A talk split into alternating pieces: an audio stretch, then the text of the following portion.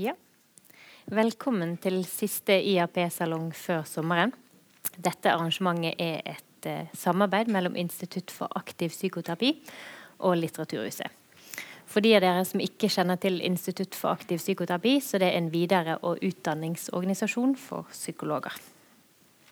Dersom ingen har innvendinger, så vil kveldens salong tas opp som podkast. Og den vil gjøres tilgjengelig på nettet etter hvert. Det så ikke ut som det var noen innvendinger på det. Ettersom vi bare har én time tilgjengelig, så er det satt av ti minutter til spørsmål helt på slutten. Så hvis de av dere som har noen spørsmål, bare venter til ti på, så tar vi gjerne imot spørsmål. Eller Per Einar. Kveldens tema er altså 'Hvem er jeg?' Hvordan finner vi identitet, og hvor mye kan vi selv være med på å utforme denne? Og Vi har i den forbindelse vært så heldig å få med oss Per Einar Binder, som er både psykologspesialist og professor. Per Einar har ikke mindre enn tre spesialiteter. Både barn og unge, voksne og psykoterapi. Og han er for tiden visedekan ved eh, Psykologisk fakultet, UiB. Og han er en av våre fremste kunnskapsformidlere og har eh, bidratt med både bøker og artikler den siste tiden, med særlig fokus på selvmedfølelse, mindfulness, utvikling av personlig identitet, som altså da er et kveldstema. Og det er den nyeste boken til Per Einar, som vi skal snakke om i dag. Eller snakke med i utgangspunktet i dag. Boken finner dere også ved utgangen når dere er ferdig, for de av dere som ønsker å kjøpe den. Og Per Einar har sagt seg villig til å signere den for de som vil ønske det. Um, utenom selvmedfølelse, mindfulness, så har Per Einar også vært opptatt av personlig identitet, psykoterapi og andre personlige endrings- og utviklingsprosjekter. Velkommen, Per Einar. Mitt navn er Emma Jones, og jeg jobber som psykolog ved Bergen og Omland familiekontor. Først av alt, takk for nok en god leseropplevelse gjennom å ha lest denne boken. Per Einar. I boken så følger vi fem ulike personer. Rasm, vet ikke om det uttales riktig. Det er helt korrekt. Ja. Mm -hmm. Og Alma, som er i 20-årene. Eli og Gunnar, som er i 30 og akkurat fylt 40. Og Marianne på 75 år. Gjennom intervjuene så gjøres faglitteraturen levende, og vi får et unikt innblikk i de ulike intervjupersonenes ulike eksistensielle dilemmaer, identitetsdilemmaer og vilkår. Så først av alt, vil du si noe om hva som vekket din interesse for personlig identitet, og hva som inspirerte deg til å skrive nettopp denne boken? Ja. et stort spørsmål. Takk for det. Og eh, denne boken er jo et, et, påskudd til å skrive om ting jeg syns er, er, veldig spennende, og uh, som har opptatt meg fra ja, fra, fra, før jeg ble psykolog. Det er jo mange av de tenkerne som jeg presenterer her, som har røtter i filosofi, og det er skjønnlitteratur inni dette her. Og så er det eh, Doktorgraden min den handler jo om relasjoner og hvordan de er med å skape vilkår for at, at vi får et selv. At vi utvikler et selv.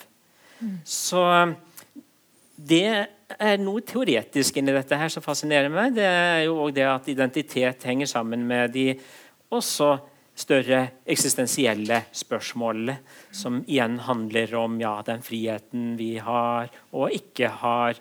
Det at vi har begrenset tid her på jorden, og med å, å forme vår identitet sammen med de nære relasjonene og samfunnet rundt. Så det er en side ved det. Og eh, en annen side ved det er jo òg klinikeren i meg. Når eh, en holder på med i hvert fall litt mer dyptgående terapiprosesser, så kommer jo vi føle siden til, til spørsmålet Ja, hvem er jeg? Og eh, at det alltid er noen overraskelser i en sånn type prosess. At ja, jeg visste ikke at det bodde i meg. Som kan være et sinne, en sorg, men som òg kan være en nysgjerrighet. Faktisk òg en klokskap som folk oppdager på, på den veien der. Og eh, så er jo det mennesker som har strevd med å finne sammenheng i opplevelsen av hvem de er, og finner den. Så det er jo både selvoppdagelse og, og selskaping i en eh, med mer dyptgående, inngående psykoterapi. Så lever vi òg på toppen av det hele i et samfunn hvor uh, identitet er høyaktuelt.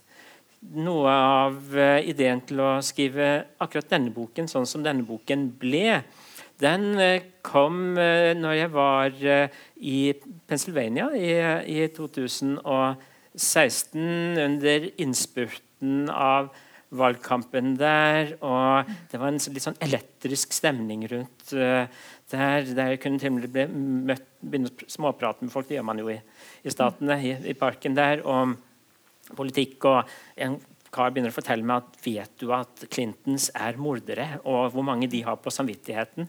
Og det var jo et menneske som jeg da tenkte på som et normalt menneske eh, fram til det samtalen, og for så vidt registrerte faktisk var det videre òg. Så bare og hvor mye av dette er knyttet opp mot identitetsspørsmål. Mm. Så, så, intenst. Så det, det, er litt av den sammenhengen denne boken her er blitt til i. Ja.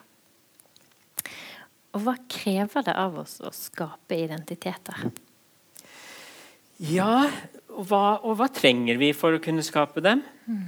Vi, eh, vi, trenger, eh, vi trenger jo noen, i utgangspunktet noen stødige relasjoner rundt oss. Fordi vi, vi, må ha speil tilbake som, som viser oss hvem vi, hvem vi, er.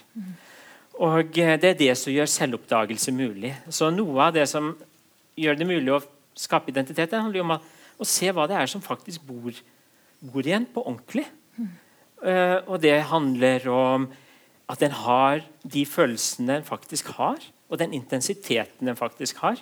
Slik at en kan vokse opp et sted der et litt intenst barn blir møtt på sin intensitet. En som er litt fysisk aktiv og, og kanskje har mye følelser, og foreldrene tenker 'wow, vi har fått en fotballspiller', ikke sant? og kan uh, være med og bekrefte det. Eller en som er mer rolig, stille, og, uh, og det er ok. Oh, wow, her er en mer tenksom person. Uh, kunne oppdage sin musikalitet, hvis den har det. Mye av identiteten vår handler jo om å oppdage evner, muligheter som bor i oss. Følelser vi har, og ikke minst å bli sett som en person. At noen ser at Wow, ja, der var det spennende å møte. Så det er der det begynner. Og eh, da er vi jo helt avhengig av dem rundt.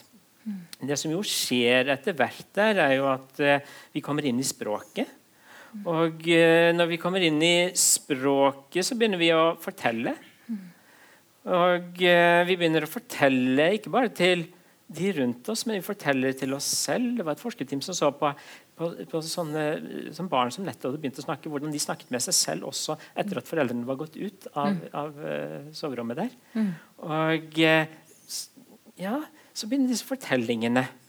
Og eh, de blir jo mer og mer sofistikerte, som handler om hva jeg vil, og ja, hva som skjedde. Og når vi da kommer, bare ruller godt fram til puberteten der, så begynner jo disse fortellingene her å virkelig kunne bli nyanserte og utforskende. Og ja, jeg lurer på om jeg er sånn, og jeg lurer på om jeg egentlig er sånn som igjen handler om hvem jeg skal bli, hvem en ser for seg i framtiden der.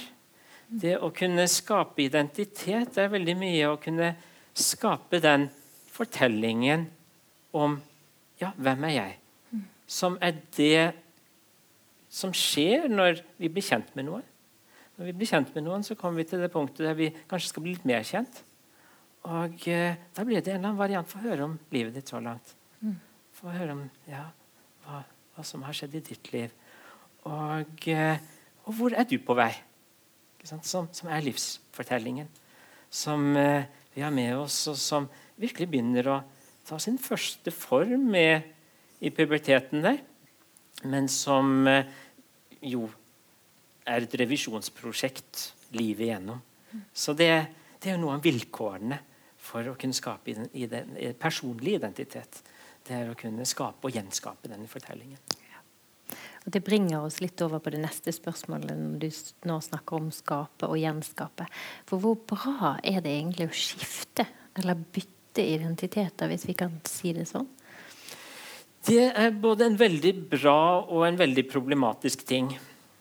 Fordi at vi, vi trenger å gi slipp innimellom på den vi har vært. Vi eh, skifter i roller og eh, ja, Hvis du henger fast i barnerollen ut i puberteten, ja, du kommer til å slite med det. Du, du trenger å gi slipp på den. Du skal inn i noe annet, og det kan være litt nifst for mange. Og eh, omvendt, når du er ferdig med puberteten og, og ungdomstiden, så, ja, så, skal du inn i en, en voksenrolle som også er å gi slipp på noe. Altså, som er en litt annen type identitet. Der det forventes av deg at du kanskje i større grad skal koble deg på noe som er større enn deg selv òg. Og ta ansvar. Og jobbe for, for andre. For andres velvære også. Så vi har hele tiden disse skiftene der vi, vi, trenger å gi slipp på oss selv. Og vi kan ha fastlåste ideer om at 'nei, det, jeg kan ikke det'. Jeg, jeg, jeg, er ikke sånn. Eh, jeg er ikke en sånn utadvendt person, så jeg kan ikke bare begynne å snakke med Ja, ok, mon tro om du ikke er litt utadvendt likevel. Og altså, Disse fortellingene vi lager om oss selv, de kan bli veldig låsende. Det kan òg bli offerhistorier vi blir hengende fast i når noen har gjort oss urett. Så ja, vi trenger å gi slipp på det. Og vi trenger å revurdere det gang på gang. på gang. Revidere fortellingen. fordi vi, vi har nye framtider foran oss. Plutselig så ser vi at det er noe annet vi skal, enn det vi hadde trodd.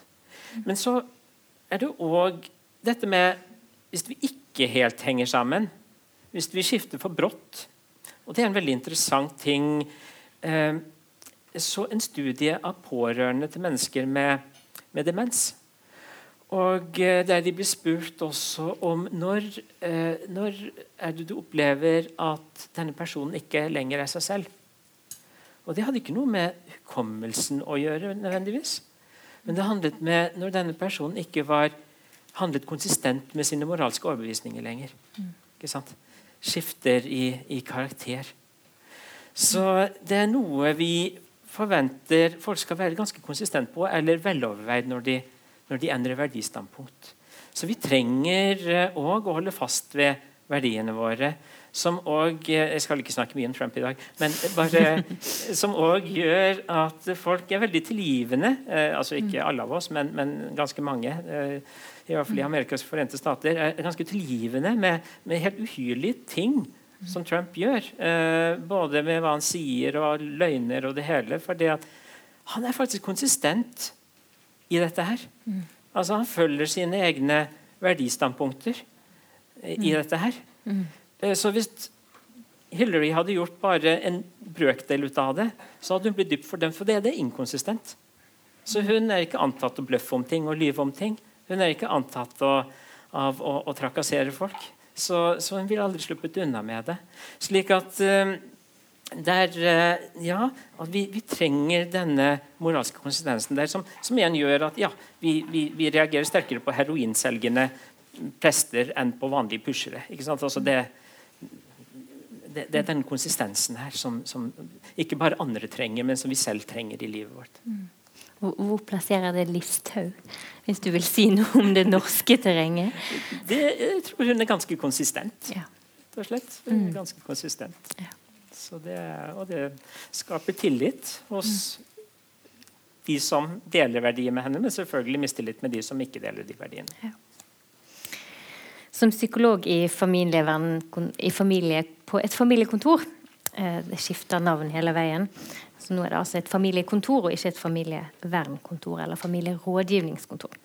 Men så er jeg selvsagt opptatt av de relasjonelle aspektene ved identitet. Og Før vi senere kommer litt mer spesifikt inn på identitet som psykolog, så vil jeg gjerne at vi samtaler noe om hvordan vår personlige identitet er knyttet til våre mellommenneskelige relasjoner. Du har jo allerede vært inne på det, noe av det.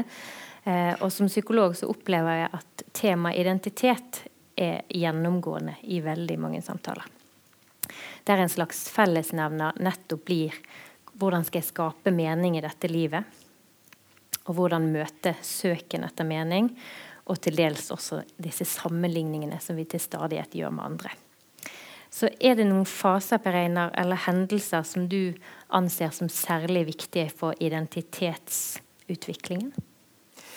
Ja, det, det er jo det. Og eh, det er klart at som jeg var litt inne på i sted, ungdomsår peker seg veldig tydelig ut. Mm. Og uh, igjen og der er ungdom veldig forskjellig òg. Altså, det er noen som, som, vi også betegner litt mer som informasjonssøkende ungdom, som jo generelt sett egentlig er søkende ungdom.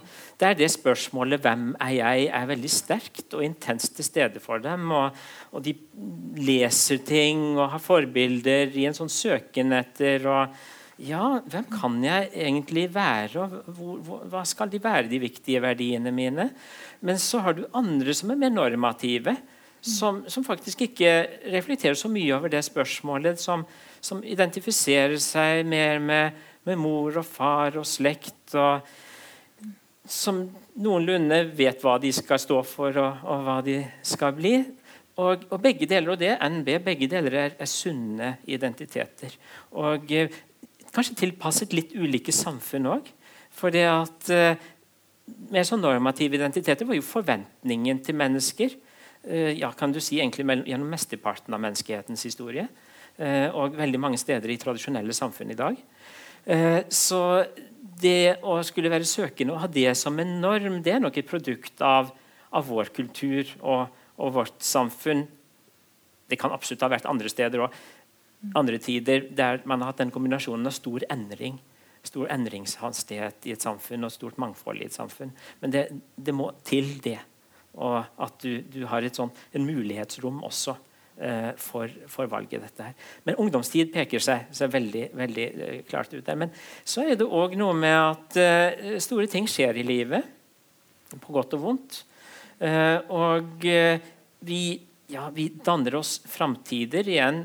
Tidlig voksentid er jo der vi leker med mulige framtider før vi lander på noe. Jeg bare tenker på det, Når jeg lander på det å bli psykolog mm. ikke sant? eh, hvordan ja, det forandret eh, framtiden min, rimeligvis. Men det er jo en interessant ting at det forandret jo fortiden min også.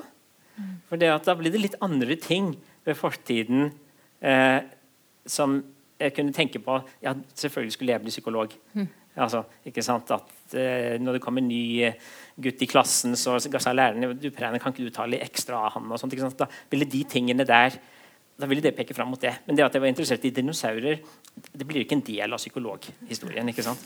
Altså, så, så, det er visse ting som ikke blir fullt så identitetsbærende lenger. Eh, da, så, så det, det, er en, det, er en, interessant, Og dette skjer veldig mye i, i tidlige voksenår der.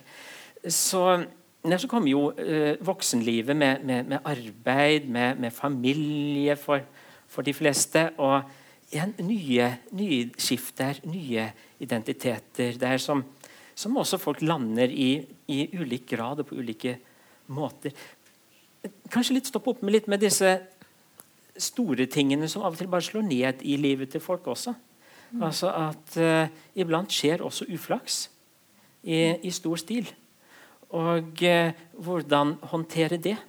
Som kan være den alvorlige sykdommen som treffer en selv eller ens nærmeste. Det kan være skilsmissen, det kan være tap av ja, ektefelle eller barn, eller disse, disse, store, forferdelige tingene som jo skjer i, i vanlige liv. Og eh, som, eh, som, ofte blir vendepunkter i fortellingen. På Vondt kjennes jo det umiddelbart, selvfølgelig, eh, fordi det er vondt. Eh, men som kan føre litt ulike veier videre.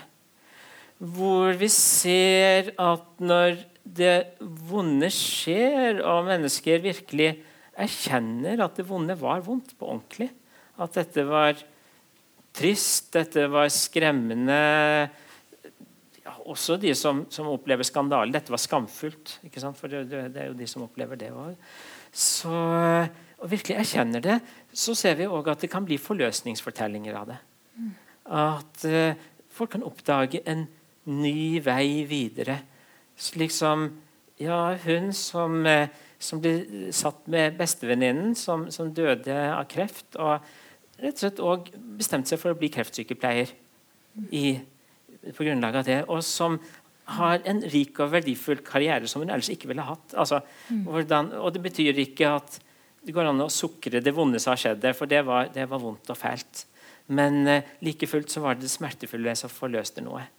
Og eh, ja, likeledes med eh, den som opplever skilsmissen, og kanskje opplever den som en veldig uønsket type ting som, som treffer i livet der, som eh, oppdager kanskje noen nye sider i seg selv. Som eh, var blitt litt låst fast i det forholdet som var. Eh, som kanskje til og med begynner på en ny karriere i samme slengen. Altså, så, så, så det, det, er mulighet for vekst der. og Vi ser jo det aller sterke med, med såkalt posttraumatisk vekst. Der, der, mennesker har opplevd helt forferdelige, katastrofale, traumatiske opplevelser. Og kan ha PTSD-symptomer, kan ha flashbacks og virkelig være plaget med det. Men likevel få en erkjennelse av hva som er viktig i livet. For det er jo det disse store katastrofene òg kan bringe oss på sporet av. Hva betyr faktisk noe i mitt liv? Og ofte et mønster der er jo at eh, det er relativt få som, som sier at denne store katastrofen i livet mitt den fikk meg til å innse at det viktigste av alt er penger. Altså, det, det er ikke standardsvaret i de situasjonene der. Uh, og det er, ikke, det er, ikke, makt og berømmelse uh, jeg går for akkurat da. Mm. Så Altså, det er jo at folk kommer på sporet av kanskje det som er de litt dypere kjerneverdiene deres. Det som, som faktisk handler om, om, relasjoner til andre. Kan òg handle om makt, men i en positiv betydning. Og ønske å gjøre en forskjell i verden på, på litt ulike nivåer der. Så vendepunktene kan være sånn, men det er klart vi vet jo alle at de dessverre at av og til så blir det vonde bare vondt. Og eh, det forstørrer seg. Og det forsterker seg. Så da får vi det som vi også kaller kontamineringsfortellinger, som kan bli mer en taperidentitet, f.eks. At eh, Hva forteller denne skilsmissen om meg? Jo, det betyr, det forteller først og fremst at jeg er en taper. Mm. At jeg ikke fikser relasjoner. Eh, eller at jeg er svikta. At kvinner slash menn er fæle. Eh, at jeg vil bli svikta igjen. Mm. Eh, og eh, det er jo òg noe som, som, er depressivt ofte. Du, du, finner jo det ofte sammen med, med depresjon og, og, angsttilstander. Og ofte da med kontamineringsfortellinger som har skjedd tidlig i livet òg. Der å bli svikta av far ja, Det kan òg være i en skilsmisse. At far bare forsvant. ikke sant? Og ha det med seg videre der eh, med en sånn usikkerhet på altså, nå tenker jeg nå plutselig ser jeg for meg en gutt ikke sant? Og, og ikke ha noen å, å, ligne på og identifisere seg med på den måten som en, en liten gutt trenger der. Men også alle de spørsmålene hva, hva, tenkte han om meg når han bare forsvant på den måten der? Uh, og uh, hvordan det igjen kan forplante seg som, som sviktende tillit i relasjoner senere. Og uh, ja, også kanskje vansker med å, å regulere seg. For det at en gutt lærer jo en del om selvbeherskelse og selvkontroll ved å ha far som forbilde i, i, i kritiske situasjoner. Så, så, og det er jo også slik at det finnes jo ikke et liv uten at det blir noen kontamineringshistorier. Også. Så vi er jo alle en, en god miks av, av, disse, disse typer fortellinger i, i livet vårt. Nå har du jo allerede snakket litt eller vært litt innom samlivsbrudd eller andre typer tapsopplevelser. Eh, som både psykolog og mekler så er hverdagen på familiekontoret preget av klienter som søker råd og veiledning, og eventuelt mekling ved samlivsbrudd. Og jeg hører ofte utsagn som 'jeg kjenner han eller henne ikke igjen'. Hvordan kunne han eller hun, som jeg elsket, nå svikte meg og våre felles barn. Og hvem skal jeg nå være, nå som forestillingen om oss og drømmen om en familie blir grunnleggende rystet? Så vil du si noe om Du har allerede sagt litt om det, på Reina, men si noe mer om de identitetsskapende prosessene som skjer ved disse såkalte vendepunktene, og her eksemplifisert ved et samlivsbrudd, f.eks. Ikke sant? Eh, og da tror jeg at jeg vil begynne med et positivt vendepunkt først, for, å, for, å, få balanse i historien her. Og, og, det er jo forelskelsen, ja, som kan bli et positivt vendepunkt når, når den funker. Eh, som jo òg er en revolusjon for to. Altså en topersonsrevolusjon. Og eh, der begge parter opplever at det er en uorden i livet nå. som er, altså Ting er på randen av kaos, rett og slett. Eh, og en får bekreftet nye sider ved seg selv, ser noe fantastisk i den andre, som igjen gjør at den andre ser nye sider i seg selv. Og eh, det begynner å utvikle seg en ny historie der òg. Det er jo ofte mye lange samtaler i forelskelser. Og etter hvert så begynner de å flette seg sammen, disse historiene om hvem jeg var, og hvordan livet mitt har vært, og, og den andres liv. Og ja, så blir det historien om, om oss etter hvert. Så har man ettårsdag der. ikke sant? Da, da er det historien om oss. Uh, og det er et framtidsplott også, med, med, med disse, disse to menneskene i dette paret som noen slags avatarer framme der. Ikke sant? Altså En ser for seg et framtidsblått med ja, hva som skal skje akkurat med oss. Og, og Det er jo en sånn identitetsrystende hendelse og en nyskapelse av, av uh, identitetene til de to som er involvert der. Og uh, den tilstanden Du kan si at forelskelse gjør blind, men den gjør en også veldig klar og tydelig på behov en selv har for eksempel, behov den andre har. Så forelskelser får også mennesker til å se veldig dypt i seg selv og andre, selv om det også er helt åpenbare på helt åpenbare måter gjør mm. blind ikke sant? for en del mulige risikomomenter med det prosjektet man er i gang med, f.eks. Um, så det, det, er en, en radikal eh, endringsprosess som gjør at folk ville ikke holdt ut å være i det uh, i 40 år. Altså det, det, det, er rett og slett noe som er såpass intenst at, at det, en må, må, ha de passe doser, og, og liksom at det får vokse litt til igjen ved, ved anledninger etter hvert. Men, men, man kan ikke være i den konstant. Uh, så, og, og, livet har heldigvis flere sånne typer identitetstransformerende uh, øyeblikk på, på veldig positive måter. Um, så, men så har vi bruddet der. Og uh, hvordan håndtere det. Og uh, en, Det er klart at det er jo forelskelsen i revers. Så det er jo avslutningen på historien om oss. Eller kanskje ikke helt. Fordi at det er historien om oss som et skilt par. Eh, ja, som et par som ikke lykkes med dette her. det er skam i det. Eh, for det at alt vi ikke lykkes med, er også skambelagt. Og eh, det er den fasen av å være ulykkelig som eh, i hvert fall én av partene stort sett er i, men oftest begge. Og som man ikke har det fellesskapet rundt. Altså det, det, er ikke bare første gangen en er virkelig alene igjen på veldig mange år, ofte, men, men, men en er ulykkelig alene. En er alene i, i smerte. Og eh, så har vi krenkelsen som kommer inn, og den er livsfarlig. Altså den følelsen av å, å være krenket. fordi at eh, som regel så, så, har man god grunn til å kjenne seg krenket. Eh, det er rettferdig harme i dette her. Den andre har vært urimelig. Det er veldig vanskelig, om ikke umulig, at en skilsmisse skjer uten at begge parter har vært urimelig eh, med hverandre. Eh, det, den har dessverre ikke en god kommunikasjonsstrategi klar når de øyeblikkene der inntreffer. Så folk krenker hverandre. Og eh, krenkelse gir en følelse av å være berettiget til en oppreisning òg.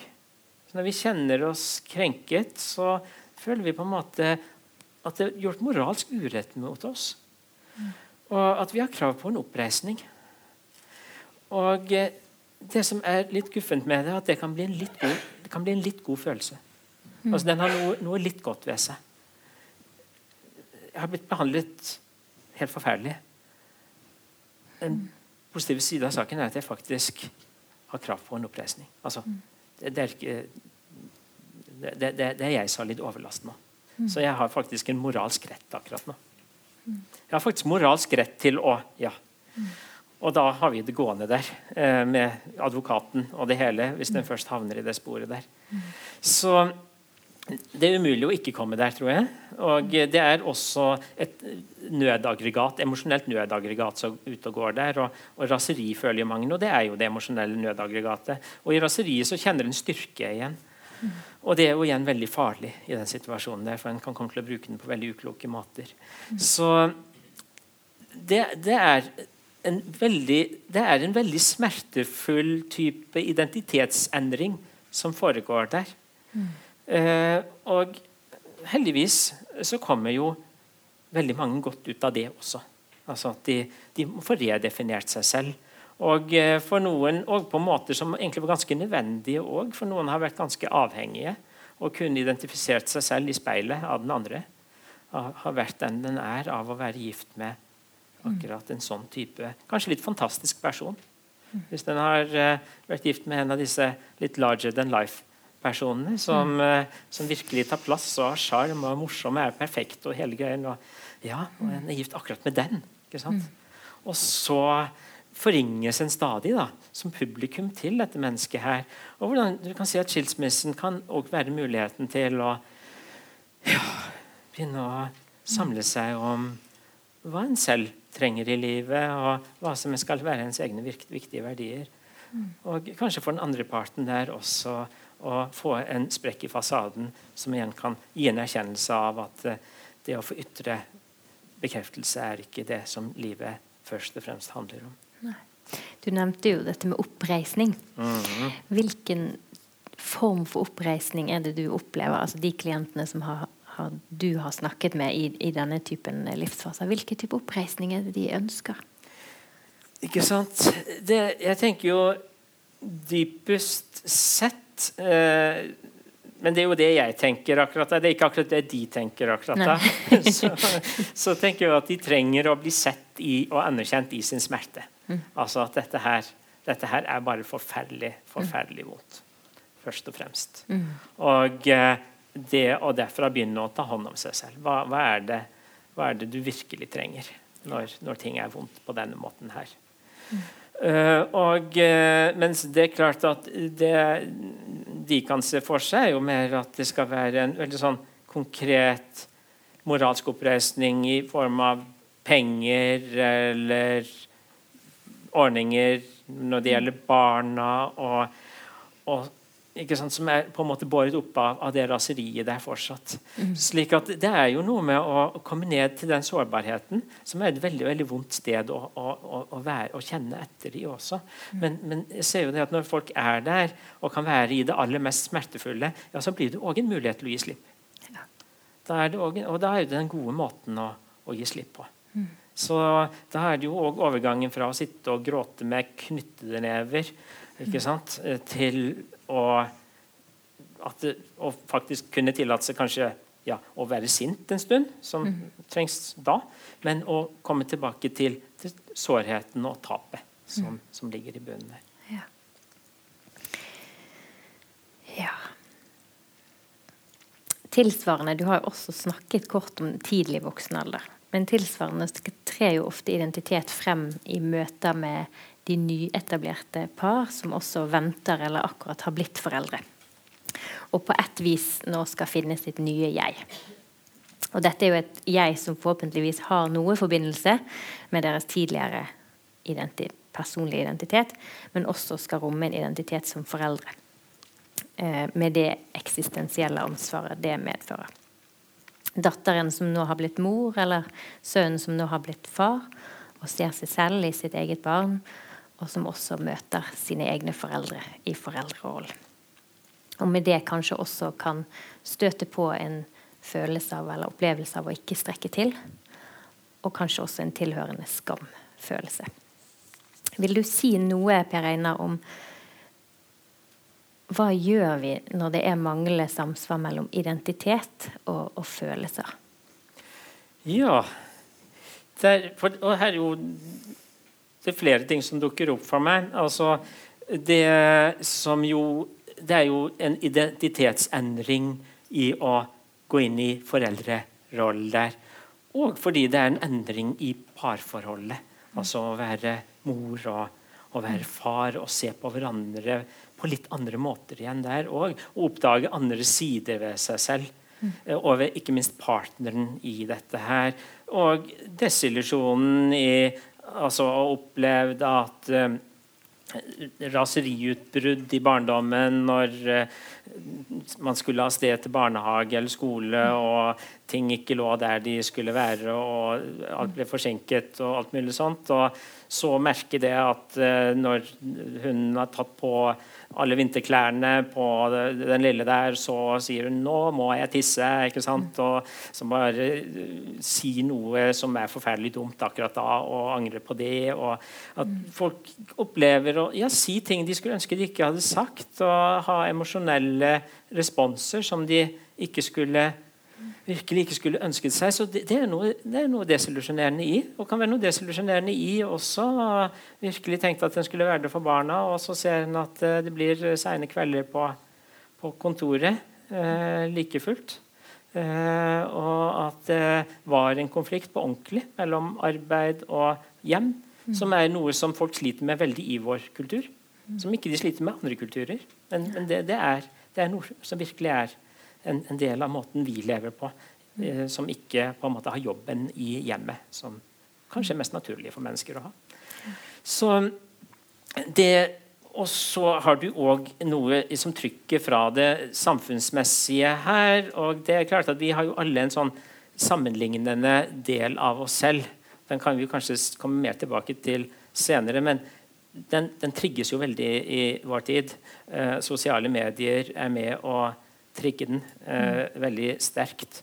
Eh, og uh, da kan det være denne moren som sliter, har en litt sånn skummetmelkfarget grå lørdag hjemme med sin, alene med sine to eh, små barn, og til og med gjør et sånn overmotig for, forsøk på en Ikea-tur som blir et totalhavari. Og kommer hjem, og så ser hun Facebook-oppdateringen med venninnens bollebakedag med stor glede i hele hjemmet og alle i full vigør. ikke sant? Da får hun den følelsen at ja, det er bare på hjem, hjemme hos oss det er på denne måten. Selv om hun for så vidt vet at det ikke er sånn, men, men, det er så vanskelig å unngå den følelsen der. At den, er i det sammenlignende modus der. Så, så det er nok en litt spesiell foreldreutfordring som ligger der akkurat nå òg. Som faktisk er et trykk på at bare sånn, å ha helt vanlige barn ikke er bra nok. Mm. Eh, det, de skal helst være litt over gjennomsnittet, både på skolen og populær og sosialt, fordi at en vet at det er så viktig for hvordan man skal klare seg i livet osv. Så, videre. mm. så ja der, der, ligger det noen sånn store identitetsmessige utfordringer for, for foreldre, eh, mm. sånn som ting er nå også. Ja. Så, ja, men så hadde du et annet spørsmål der som jo egentlig er et litt enda større kapittel. og Det er jo samsvaret mellom fortelling mm. og følelse. Så skal vi se litt på den. Mm. For den, den, peker enda litt videre, egentlig, enn en akkurat foreldrerollen der. For det er jo, det er jo slik at eh, Ja, vi kan tenke nå snakker vi om personlig identitet. det, det, er jo veldig mye den fortellingen som blir til oss. Altså fortellingen om livet mitt så langt, og hva som er de viktige tingene der. Og selvresonneringen som vi bruker fortelling til når vi resonnerer oss selv over oss selv. Så hva, hva er faktisk viktig i livet vårt? Og så dukker det opp mye. Så det er akkurat som du ser mange episoder der som, som plutselig står fram. Eh, så, så vi organiserer ved hjelp av den. Og så blir det da spørsmål er det samsvar mellom den fortellingen vi har om oss selv, og de følelsene vi har. Og eh, det er jo noe vi jobber mye med i, i psykoterapi òg. Eh, ofte den mangel på samsvar. Så det kan være uh, hun som er alltid glad og alltid aktiv og kan fortelle om en, et, et, liv og mestring. Eh, ung voksen jente. Eh, men som har en BMI som gjør både meg og legen kjempebekymret. Så vi ser at her er det jo noe som ikke helt henger sammen. Eh, og eh, der vi Ja, det, tiden går i terapi der. Det er jo typisk en terapi som ofte tar en stund. Og vi ser at det var en sorg der som manglet en fortelling, rett og slett. Ikke sant? At det var fortellingen ja, om da faren døde, som uh, hun hadde konstruert på den måten at uh, ja, han døde, og det mestret vi godt. Det mestret vi godt. Det, og vi tenkte positivt, og da gikk det bra videre. Ikke sant? Og så Ja, så var det jo ikke helt sånn. Ikke sant? Det, du kan ikke tenke deg positivt ut av en sånn katastrofe. Den trenger å i hvert fall føle skikkelig negativt. Eh, og kunne være der med den. Og at den tristheten òg trenger sin fortelling. Mm. Slik at vi har ofte og, ja, for, Vi kan også møte narsissistiske fortellinger om seire og bragder og, og være over gjennomsnittet hele tiden. Mm. Eh, og eh, når vi kommer nærmere inn på det, så ser vi jo at det er skammens fortellinger om å ikke strekke til og prøve å kompensere det. Mm. Med å gjøre seg storslått. Søke speiling. Bli helt fastlåst i hva det går i der ute. Mm. Så det er veldig mye varianter av dette her. Samme gamle historien, mm. f.eks. Altså, slik at du, du har mennesker som sier ja, og så, ja, så er det meg og damer, ikke sant? Og da skjedde det igjen. ikke sant? Altså, det kommer til et punkt der, og så, så er bare ikke følelsen der, og så ble hun som jeg hadde møtt der på den festen, ble så spennende. Altså, Skjedde igjen. Samme gamle historien. På nytt og på nytt. Noe repeterende i dette her. Uh, følger man hverandre en stund, så, så, så, hører man den samme gamle historien en god del ganger. Ofte kan den også være veldig grå, samme gamle historien. Altså, jeg bare sitter nå her i, i den jobben og i dette parforholdet, kommer ingen vei videre, og sånn er det. Og sånn er det. Og eh, Samme gamle historien der, den, den handler jo òg om at det er, det er, følelser som ikke får lov å spille med. Mm. Fordi at eh, følelser har en vitalitet ved seg som alltid sprenger fortellingen litt. Altså Når vi møter på følelser, så ser vi at dette må vi fortelle om på en litt annen måte akkurat nå. Altså, mm. De utfordrer oss.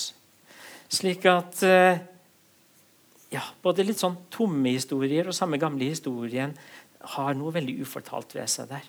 Og så har vi òg følelser som mangler historie. Som eh, kan være veldig overveldende. Som kan være eh, hun som merker at eh, når hun ser valper eller kattunger, så begynner hun plutselig å gråte og skjønner ikke hvorfor. Ikke Blir bare helt overveldet av dette her. Og eh, vi etter hvert kan se at det handler om noen savn hun har hatt etter omsorg som, som barn. Men, men, der og da så blir det bare forvirrende for henne. Og det kan være, ja, det kan være brå, brått sinne som dukker opp. Det kan være dramatiske følelser. Som, akkurat som de forteller sin egen historie, men de mangler ord. Og de trenger ord for å virkelig å kunne bli en del av identiteten. For det følelser som stanger på og blir uforståelig, de forstyrrer identitetsopplevelsen vår. Det gjør det vanskelig for oss å skape sammenheng og finne sammenheng. Ja. Og sånn, litt sånn stort, hvis vi skal bevege oss et hakk opp eh, Er det egentlig mulig å strekke til i dagens samfunn med det, alle de valgmulighetene som fins med hensyn til identiteter, verdier osv.? Det er et kjempeproblem for folk.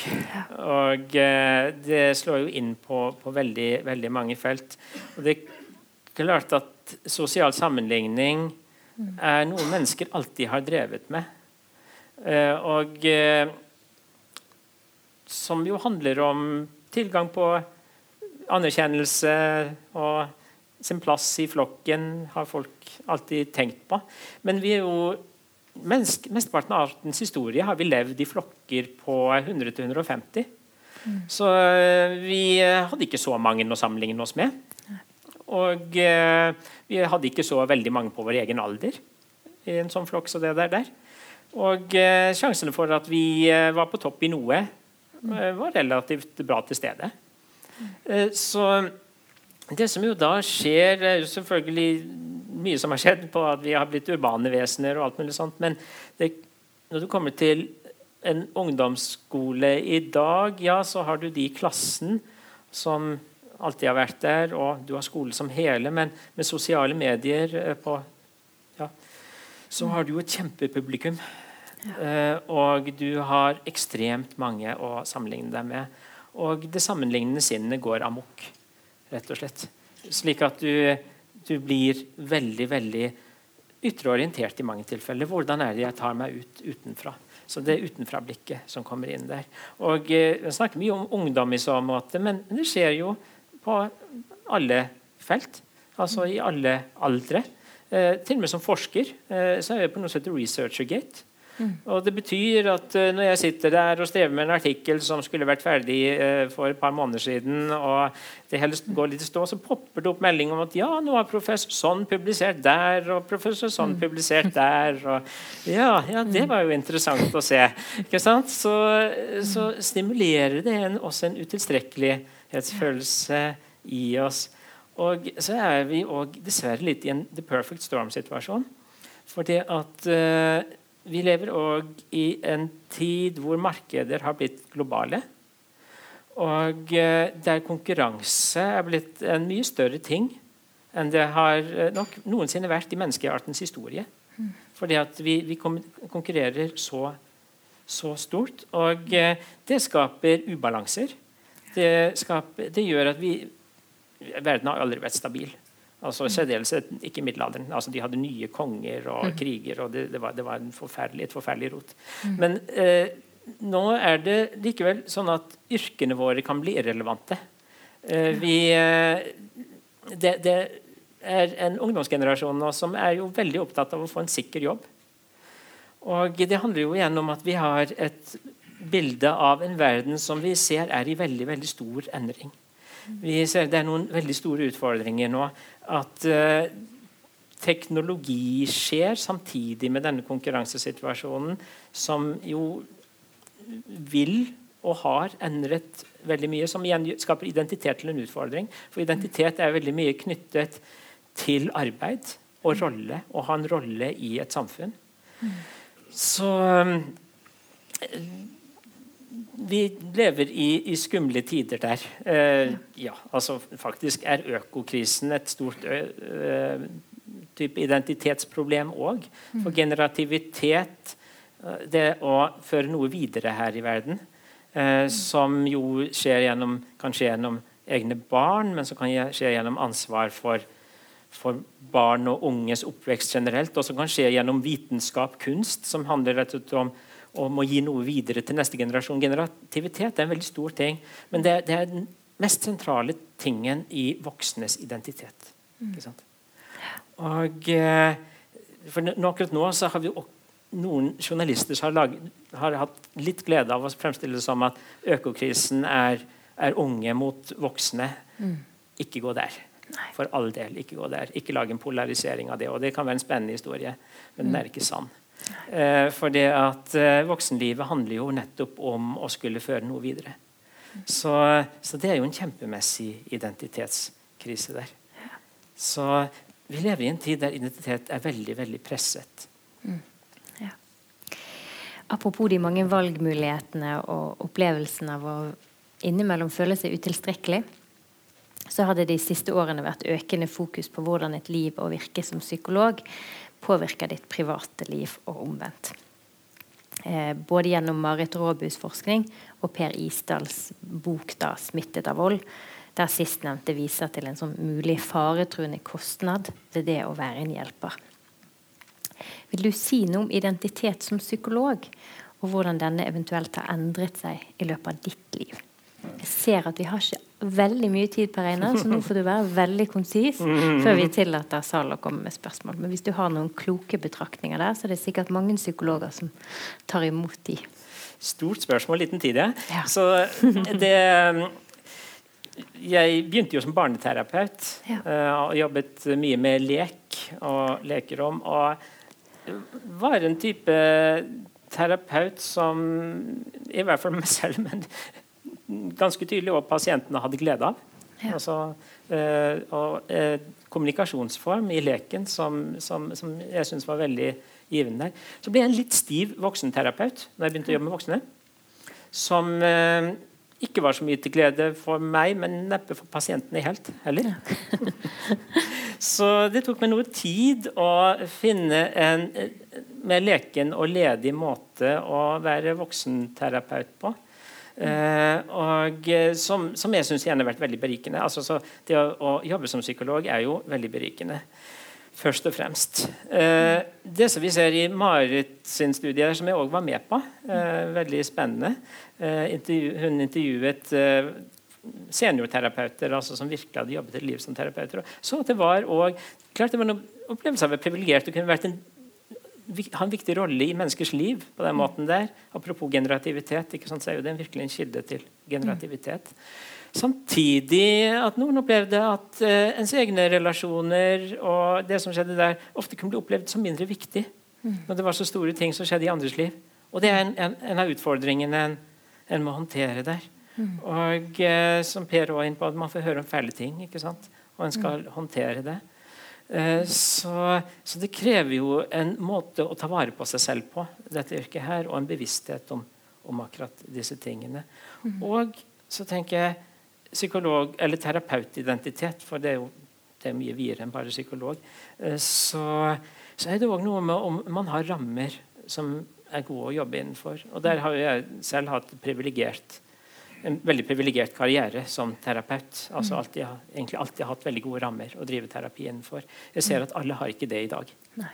Og uh, av og til må tilby hjelp, men ikke ha den hjelpen som trengs overfor de problemene som pasienter har, eh, klienter har. Og, og det er ikke bra for folk. Det er ikke bra for noen av partene. Jeg ser jo det skjer noe med, med folk. og De må oppleve å gå på tvers med de verdiene som brakte dem inn i, inn i yrket. Så. Ja.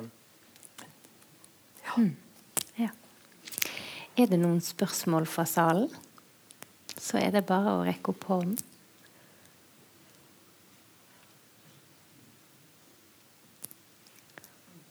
Nei? Ok.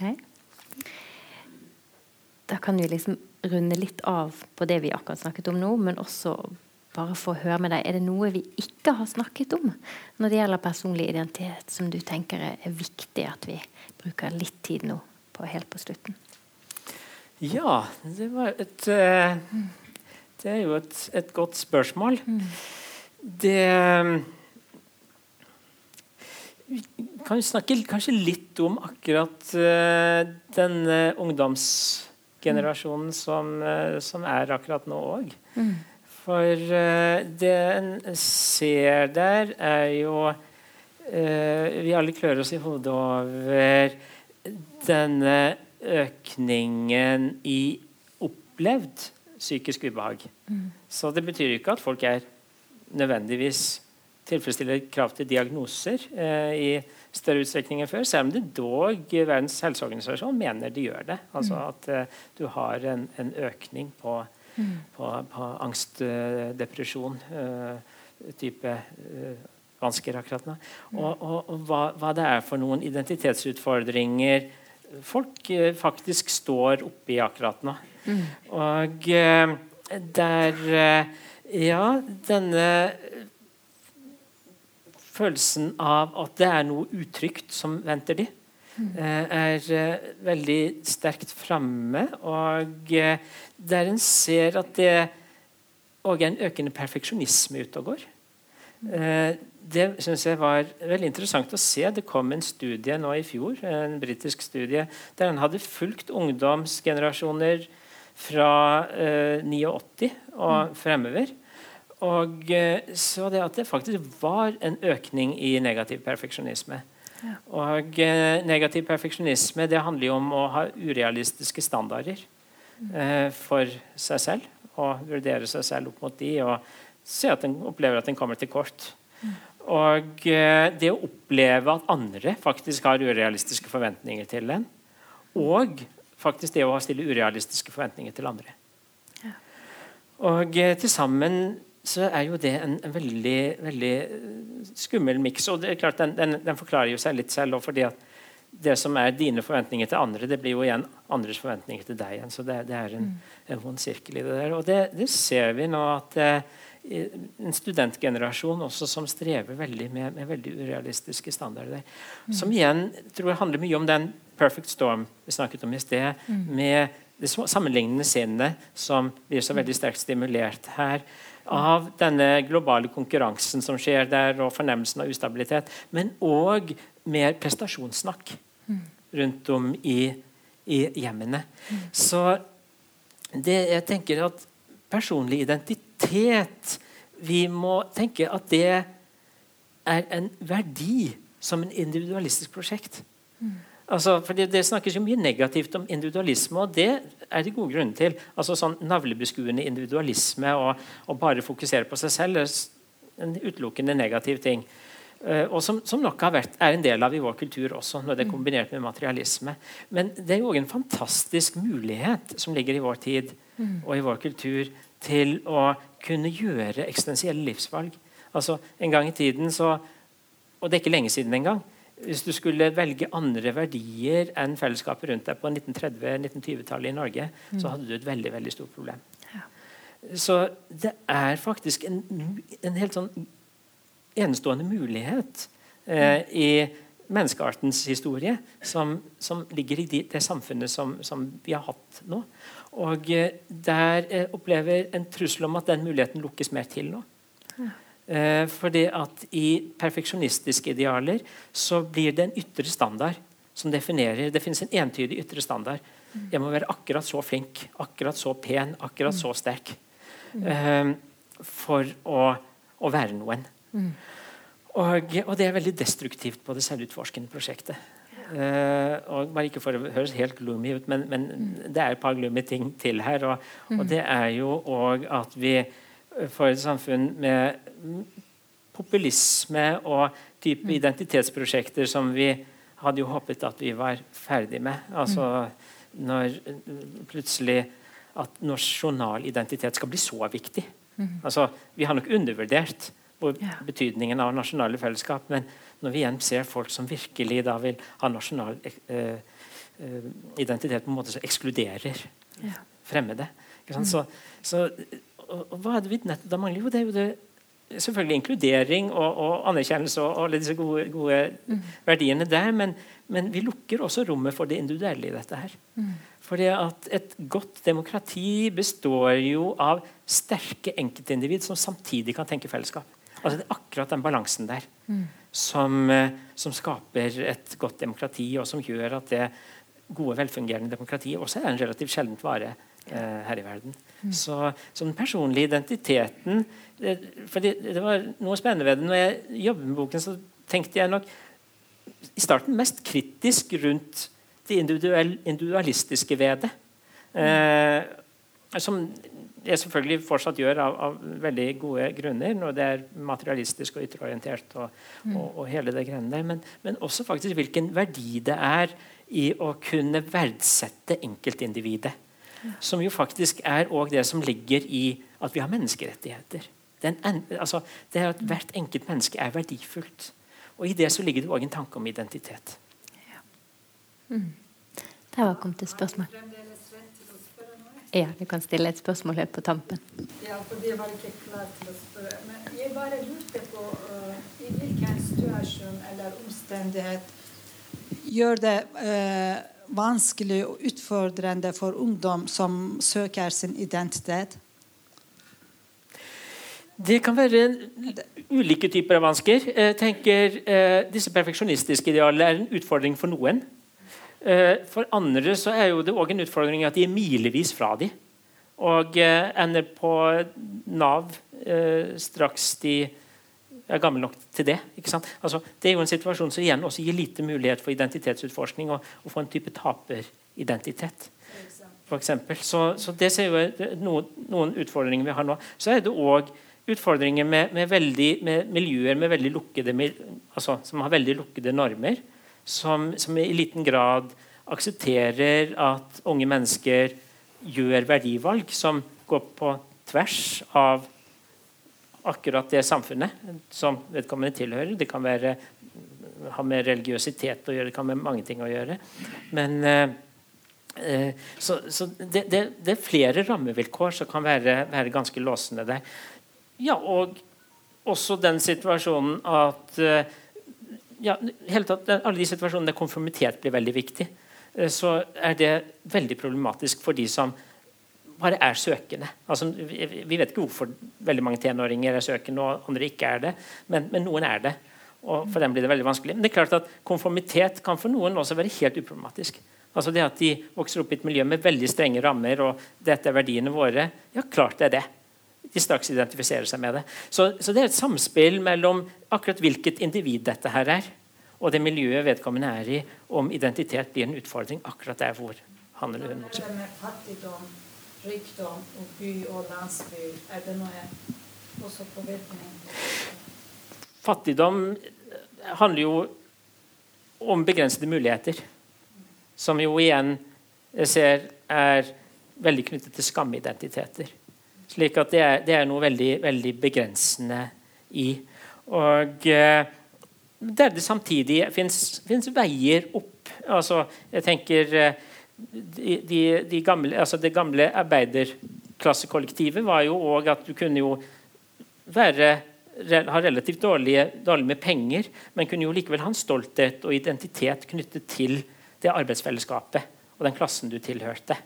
Så det ultimat ille der er jo å være fattig og utenfor identitetsbærende fellesskap. Og det er jo det òg en del mennesker som ender opp i. Som ender opp i den kombinasjonen av fattigdom og, og ensomhet.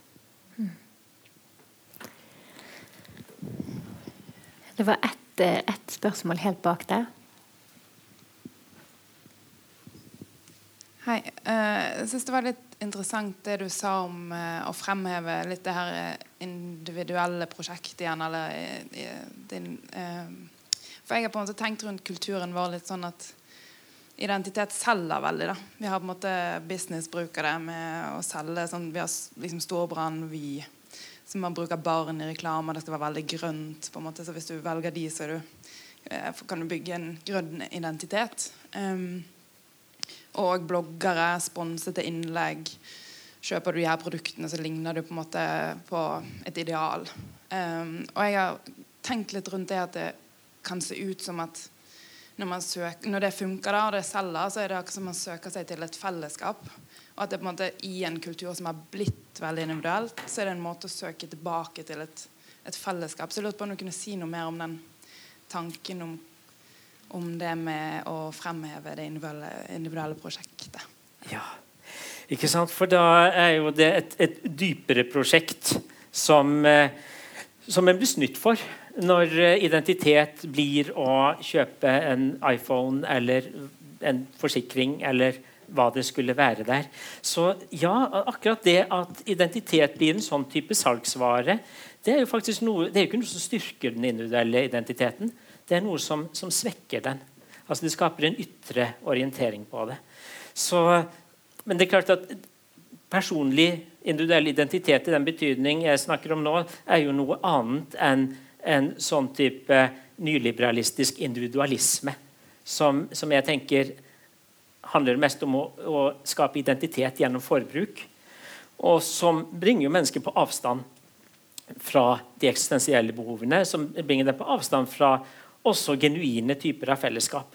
Så alt identitetssnakket for det er klart at eh, altså, Hvis noen hadde sagt til meg i 2016 og begynte å tenke på den boken at du kommer til å sitte om, om, om tre år Pereiner, og, og, og, snakke om, om, hvor verdifullt det er med individuell, altså, individuell identitet, så, så hadde jo ja, Fortell meg en litt bedre historie.